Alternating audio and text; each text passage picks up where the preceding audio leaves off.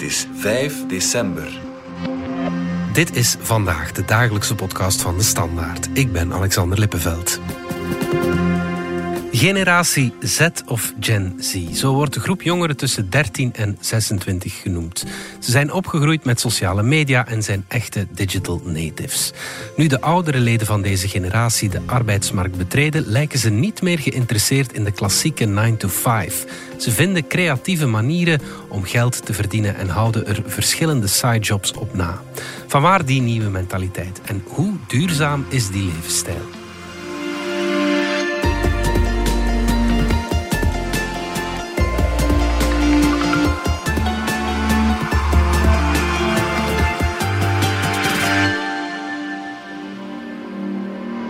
Onze jonge reporters bij de Standaard, Minke, Lemja en Cato, trokken de straat op en vroegen naar de mening over generatie Z op de werkvloer. Um... Ja?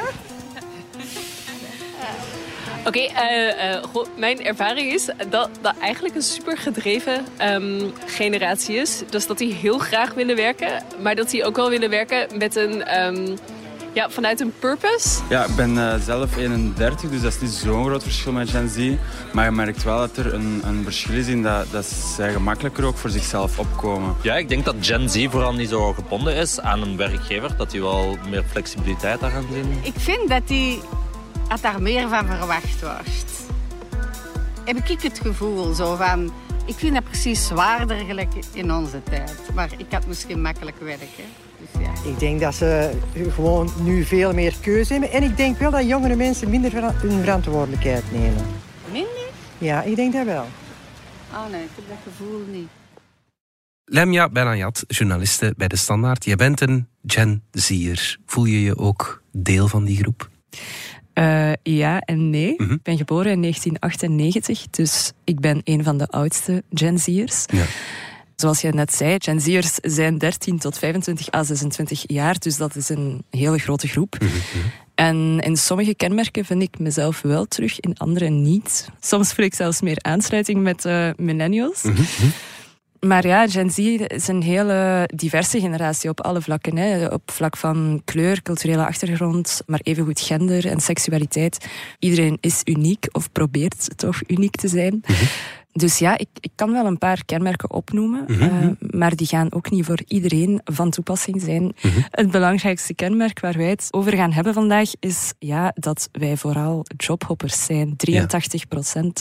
van de Gen Z'ers noemt zich zo. Lemja, jij sprak ook met uh, Marie Loop. Zij is experte op het vlak van jongeren en werk. Dat klopt, hè? Ja, dat klopt. Marie Loop is psychologe en burn-out coach. En ze schreef ook het boek Generatie Groei, waarin ze onderzoek deed naar hoe we onze opvoeding meer future-proof kunnen maken. Mm -hmm. Dus ja, zij is de expert voor dit onderwerp. En uh, ze begon ons gesprek ook met een belangrijke disclaimer. Generatiedenken is per definitie een vorm van generaliseren, van hokjesdenken. Daar doen we natuurlijk liever niet aan. Ieder mens is uniek en dat gaat al zeker op voor Gen Z, die diverser en kleurrijker is dan welke generatie ook. Dus voor elk voorbeeld dat ik geef, zullen er zeker ook heel wat tegenvoorbeelden aan te halen zijn. Mm -hmm. Bovendien is Gen Z vandaag natuurlijk nog jong. En dat betekent dat we er nog dicht met onze neus op zitten. Het is altijd gemakkelijker om trends te ontwaren als je wat meer afstand neemt. Dus de tijd zal leren of onze huidige visie overeind blijft. Oké, het is een heel diverse groep, maar als we het dan toch zouden moeten veralgemenen, wat zijn volgens jou dan zoal de belangrijkste kenmerken van uh, Gen Z, Lemja? Een van de belangrijkste kenmerken is dat we veel aandacht hebben voor mentale gezondheid. Ja. We zijn veel bezig met hoe we ons goed kunnen voelen. En dat uitzicht natuurlijk op ja, verschillende manieren. Denk aan je grenzen stellen, vriendschappen of relaties beëindigen omdat die toxisch zijn. Of kiezen voor een halftijdse job zodat je veel vrije tijd hebt. Mm -hmm.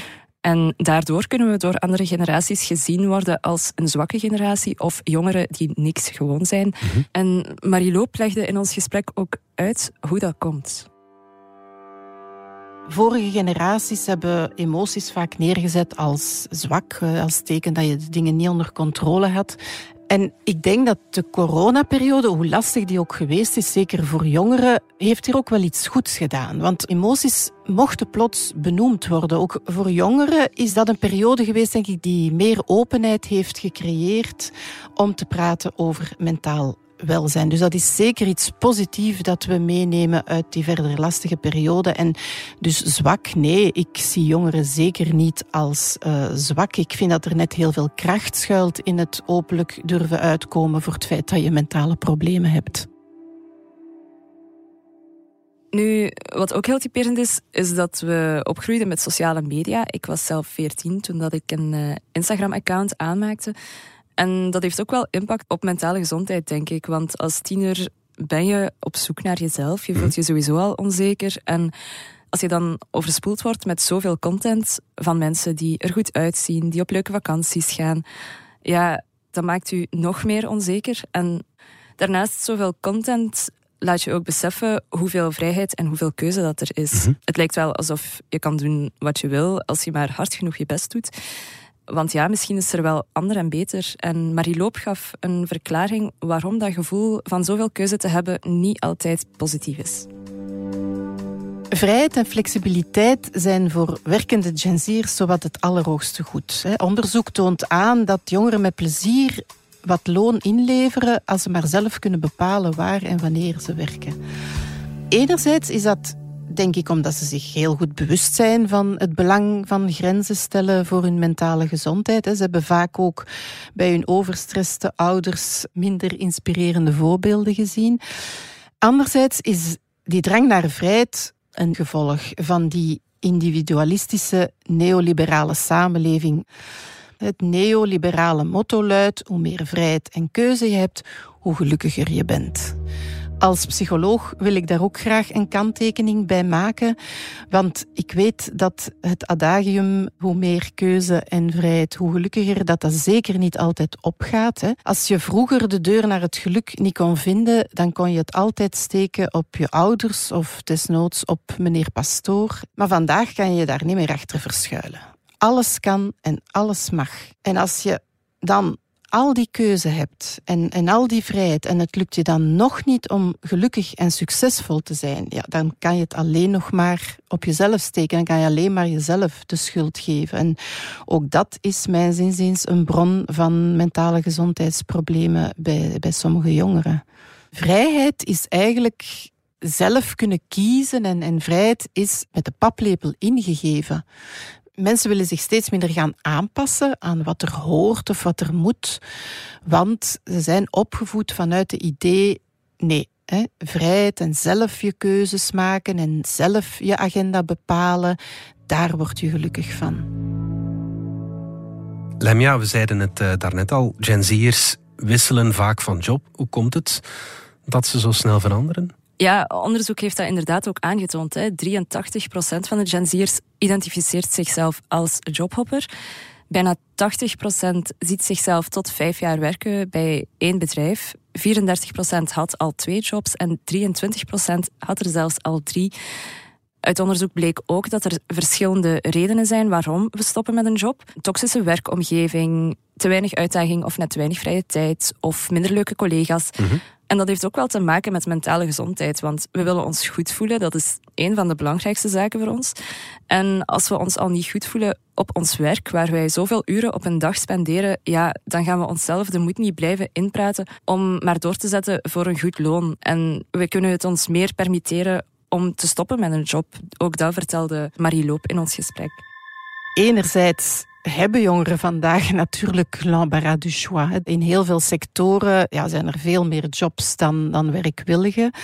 Anderzijds, en, en dat is al aan bod gekomen, hebben de jongeren van vandaag vaak bij hun overstresste ouders ook de keerzijde van hard werken gezien. Als burn-out coach weet ik waar ik over spreek. Je merkt bijna een soort van generatiekloof op de werkvloer. Want uh, de oudere werknemers vandaag, dat zijn allemaal kinderen van, van de naoorlogse generatie, die, ja, voor wie hard werken en zuinig zijn de enige manier was om er terug bovenop te komen. En zelf heeft generatie X ook een joekel van een economische crisis te verteren gekregen, met, met in haar kielzog nooit geziene werkloosheidscijfers. Dus ja, wie toen een job vond, die hield die stevig met twee handen vast, wat de baas ook vroeg. Ja, en als je dit scenario met de paplepel hebt ingelepeld gekregen, dan is soms best slikken als je op de werkvloer naast een Gen staat die van job lijkt te wisselen als van t-shirt. Lemia, volgens Jobad zijn Gen Z'ers ook niet snel tevreden met hun job. Ja, dat klopt. Mhm. Eh, maar de werkgevers zijn ook niet snel tevreden met ons. Uit het onderzoek bleek dat 74% van de werkgevers Gen Z de moeilijkste generatie vindt om mee te werken. Maar of we echt zo moeilijk zijn, dat weet ik eigenlijk niet. Ik denk eerder dat we anders zijn en daarom als moeilijk worden bestempeld. Mhm. We zijn gewoon assertiever en we durven meer uit te komen voor onze mening, bestellen onze grenzen. Dus ja, voilà. Mhm, maar volgens Marie Loop heeft het stellen van grenzen ook wel een keerzijde. Ja, ik denk dat dat iets is waar uh, de oudere generatie zich wel wat zorgen over maakt. Hè. Want uh, natuurlijk, werk uh, moet gebeuren. De jonge mensen van vandaag zijn de leiders van morgen, ook in bedrijven. Ja, er moet iemand de eindverantwoordelijkheid nemen. Als je je eigen grenzen stelt en in de term werk-privé balans dan toch vooral de balans meer naar privé laat doorwegen, dan gaat dat ten koste van de job. Hè. Dus uh, ik denk dat naar de toekomst toe jongeren hier toch wel een inhaalbeweging zullen moeten maken. Straks horen we nog meer over jongeren en hun sidejobs, maar eerst gaan we er even uit voor reclame. Haardroger kopen. Goedkope fun luisteren Instagram en Facebook stiekem met je mee. Wachten op advertenties over haardrogers hoeft alvast niet. Ontdek het antwoord nu in Overmorgen, een gloednieuwe podcast van DS Extra en Ads Data. Host Thomas Smolders ontrafelt al je vragen over data, privacy en gepersonaliseerde advertenties. Luister nu via de DS Podcast app of je favoriete podcastingplatform.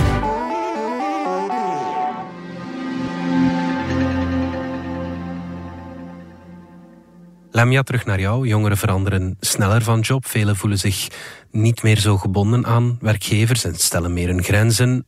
Wil dat dan ook zeggen dat ze hun job niet belangrijk vinden?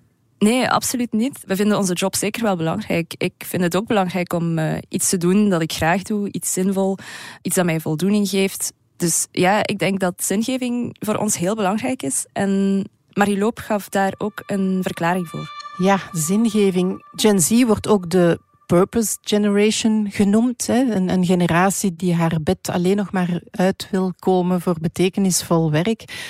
Eerlijk gezegd ben ik er nog niet helemaal uit van waar dat komt. Ik zie meerdere denkpistes. Enerzijds ja, is het misschien omdat jongeren beseffen dat hun energie schaars is. Hè. Ze willen echt een goede work-life balance. Ze vinden dat heel belangrijk. Dus ja, ze gaan die kostbare energie dan liever willen besteden aan iets dat de moeite waard is, dat impact maakt. Een andere denkpiste is, ja, misschien is het gewoon een fuck you naar het kapitalisme, dat, uh, dat geld en economische groei altijd als ultiem doel naar voren heeft geschoven, met alle collateral damage van dien. Lemja, jullie spraken ook met enkele jongeren over hun sidejobs en hoe belangrijk het is om bezig te zijn met hun passie. Laten we eens luisteren. Ja, we zullen gewoon beginnen. En dus je mocht en altijd het is, ja, het is niet live inderdaad. Nee. Dus je mocht gewoon... Oké, ik moet er geen stress voor hebben of zo. Ik ben Alice, uh, ik ben 23 jaar en uh, ik studeer psychologie. En daarbuiten doe ik een extra dagopleiding uh, als goudsmid. Ik ben Robin, 25 jaar. Ik doe urban farming en aan de site ben ik ook fietsenmaker. Hallo, ik ben Victor de Roo en ik ben leerkracht Nederlands op uh, het Atheneum van Anderlecht. En daarnaast ben ik ook artiest. Ik produceer muziek, ik werk voor andere artiesten en ik maak ook mijn eigen producties. Allemaal onder mijn eigen naam. Dus ik maak eigenlijk juwelen en ja, ik verkoop dat een beetje op Instagram. Het draait voor mij niet echt om het verkopen, maar meer om het ja, het zelf maken, ehm, dat brengt me een beetje tot rust. Dat creëren, eigenlijk de dingen die ik heel erg mis uh, in mijn opleidingen. Ik heb eerst informatica gedaan tot het derde jaar. Dan ben ik overgestapt naar design en technologie. Ik heb daar mijn stage ook in gedaan bij een architectuurbureau. Toen ik dat deed, was een 9 to 5, fulltime. Maar ik ben dan heel eerlijk geweest met mezelf. En ik heb dan besloten om eigenlijk een totaal andere richting op te gaan. Omdat ik al veel stress heb ervaren met school. En om die stress verder te zetten op lange termijn leek mij gewoon heel pijnlijk. Ook als je ziet hoeveel burn-outs er zijn um, en hoeveel mensen dat daarin hervallen. Dus ik ben leerkracht Nederlands, maar dat ligt niet helemaal in lijn met wat ik heb gestudeerd. Nadat ik ben afgestudeerd heb ik een tijdje voor de krant gewerkt. En ik merkte al vrij snel dat ik dat niet echt kon combineren met muziek, waar ik al allez, sinds heel lang mee bezig ben. En dan heb ik ervoor gekozen om in het onderwijs te stappen. En ik vertel ook een oud principe van zo, je begint te werken ergens, dus van begin tot einde moet je daar werken. Op dit moment doe ik vooral wat ik graag doe. Ik ben heel blij met die combinatie. Ik weet dat dat niet voor altijd is. Ik denk ook dat er zo'n bewustzijn is gecreëerd voor het mentaal welzijn. Dat we dat nu ook echt in ons leven meenemen. Puur voor je mentale gezondheid dat het belangrijk is dat je dingen doet die je graag doet en niet de dingen waarop de maatschappij van verwacht dat je gaat doen. Want ik denk dat heel veel mensen ook kiezen voor een, een opleiding gewoon puur omdat dat van hun ouders moet of omdat dat verwacht van hen wordt, omdat ze te slim zijn. Ik denk ook dat een van de aspecten eraan is, is dat we in een soort diploma-maatschappij zitten, waarin dat er eigenlijk alleen maar gestreefd wordt naar zo'n hoog mogelijk diploma halen. Ik denk dat ik als shop liever een, een job zou doen met mijn handen. Bijvoorbeeld moest ik vroeger in contact zijn gekomen met het lassen of met fiets maken. Dat ik sneller naar daar zou zijn gegaan en dat ik daarin zou kunnen excelleren. En dat zo ook andere problemen zoals knelpinberoepen sneller worden opgelost. En het is niet dat je dan niet meer streeft naar een excellentie, het is dat je dan streeft naar een passie. Maar langs de andere kant, omdat er ook wel druk is in de maatschappij, en ik heb dat ook wel een beetje geïnternaliseerd, denk ik, ik wil ook wel ergens een financiële zekerheid hebben voor mezelf. Omdat mijn ringen, ik weet niet of dat mijn zekerheid gaat geven. Dat moet de toekomst een beetje uitwijzen. We hoorden Alice op het einde spreken over de toekomst en dat ook zij wel graag financiële zekerheid zou willen. Is er dan wel echt een duurzame verandering op komst of zal Gen Z uiteindelijk ja, gewoon gaan werken zoals alle generaties voor hen? Ik weet het eigenlijk niet. Ik denk dat de werkcultuur al aan het veranderen is, omdat wij meer grenzen stellen, assertiever zijn. Maar ja, uiteindelijk gaan wij ook geld moeten verdienen om ons leven op te bouwen. Hè. Dus of die attitude zo duurzaam is voor de toekomst, daar ben ik niet zo zeker van. Maar ik stelde die vraag ook aan Marie Loop en zij gaf daar een mooi antwoord op. De jongeren van vandaag staan niet alleen voor de toekomst, ze zijn ook de toekomst. Ze gaan die op hun eigen manier mee vormgeven. En de accenten die ze vandaag leggen. Dingen zoals aandacht voor emoties en aandacht voor een goede werk-privé-balans, eh, maar ook hun, passie voor duurzaamheid en inclusiviteit. Ja, daarvan hoop ik heel erg dat die wel hun sporen zullen nalaten. Al heb ik ook wel één bezorgdheid. Want soms ben ik bang dat jongeren, net doordat ze zo sterk de focus leggen op je grenzen stellen en jezelf beschermen, jezelf afschermen, dat er een bepaalde vorm van geluk is die ze dreigen te mislopen. Mhm. Want ja, op die manier riskeren ze om, om nooit te ervaren hoeveel voldoening en geluk een job ook kunnen brengen. Hè. Hoeveel deugd en erkenning het je kan opleveren als je een keer stevig op je tanden hebt gebeten en dan iets moois hebt neergezet. Hè. Dat is een vorm van geluk die ik jongeren zeker mhm. ook gun. Mhm. Dus misschien naast de balans werk-privé ook een balans tussen mentale gezondheid en werk? Voilà, inderdaad. Oké. Ja, maar de toekomst zal het uitwijzen. Bedankt, Marie. It was my pleasure. Dit was vandaag de dagelijkse podcast van De Standaard. Bedankt voor het luisteren. Volg ons op Spotify, Apple Podcast of eender welk ander podcastplatform. In onze gratis FDS podcast kan je niet alleen ons werk beluisteren, maar ook de beste podcasttips terugvinden. Alle credits van de podcast die je net hoorde vind je op standaard.be-podcast. Reageren kan via podcast.standaard.be.